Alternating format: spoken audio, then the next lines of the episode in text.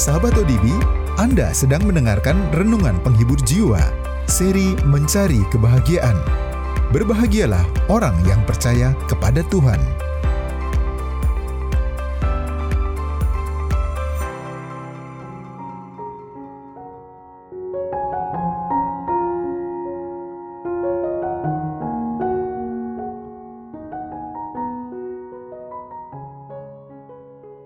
Seri renungan penghibur jiwa ini berjudul Tujuan Utama. Firman Tuhan dalam Pengkhotbah 7, ayatnya yang pertama sampai dengan yang ke-14 berbunyi, Nama yang harum lebih baik daripada minyak yang mahal, dan hari kematian lebih baik daripada hari kelahiran. Pergi ke rumah duka lebih baik daripada pergi ke rumah pesta, karena di rumah dukalah kesudahan setiap manusia. Hendaknya orang yang hidup memperhatikannya.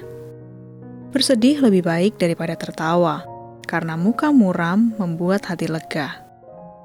Orang berhikmat senang berada di rumah duka, tetapi orang bodoh senang berada di rumah tempat bersukaria. Mendengar hardikan orang berhikmat lebih baik daripada mendengar nyanyian orang bodoh karena seperti bunyi duri terbakar di bawah kuali, demikian tertawa orang bodoh. Ini pun sia-sia.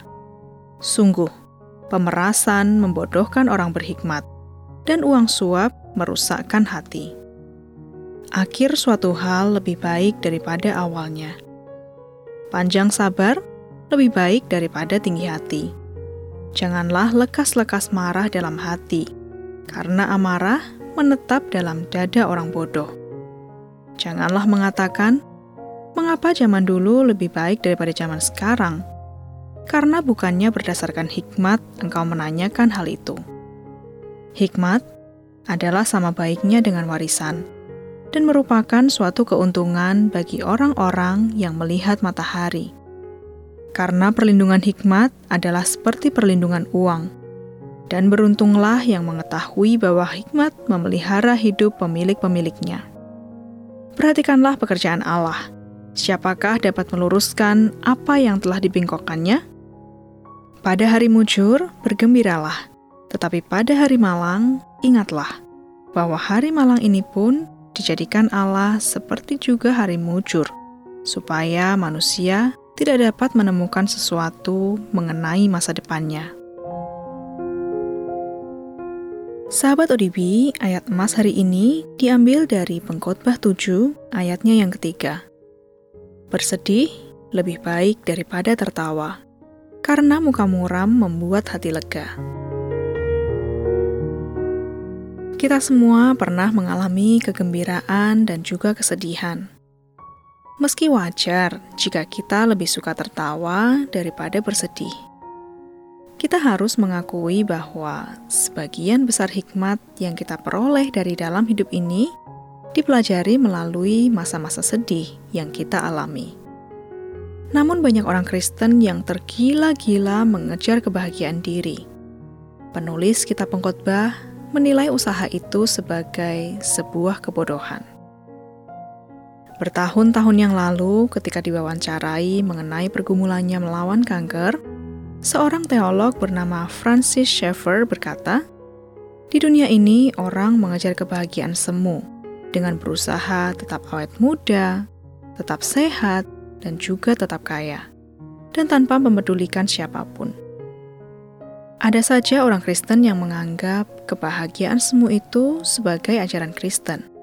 Namun kebahagiaan semu tersebut akan sirna ketika Anda tidak lagi muda, tidak lagi sehat, dan tidak lagi kaya, atau ketika Anda mulai menunjukkan kepedulian kepada orang-orang yang menderita di sekitar Anda. Apakah kebutuhan terbesar kita di dalam hidup? Apakah itu kebahagiaan? Mungkin kita ingin agar keadaan di sekitar kita bisa berubah, dan ada kalanya keinginan kita itu bisa terpenuhi. Namun, kebutuhan kita yang terdalam sesungguhnya adalah hidup yang diubahkan. Kondisi sekitar yang berubah mungkin membuat kita lebih bahagia, tapi suatu hidup yang diubahkan akan membuat kita menjadi lebih baik. Karena hal itu akan membuat kita semakin serupa dengan Kristus. Jadi, apa yang paling Anda cari dalam hidup ini? Sahabat ODB, karena keadaan hidup terus berubah, kebahagiaan pun akan sirna. Namun bila kita bersama Allah, sukacita batin akan dipeliharanya. Kesalehanlah tujuan hidup kita, bukan kebahagiaan.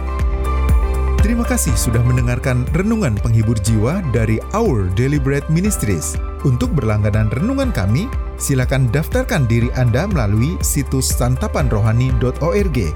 Pelayanan ini didukung oleh persembahan kasih dari Anda yang memampukan kami untuk menyampaikan hikmat Alkitab yang mengubahkan hidup kepada lebih banyak orang.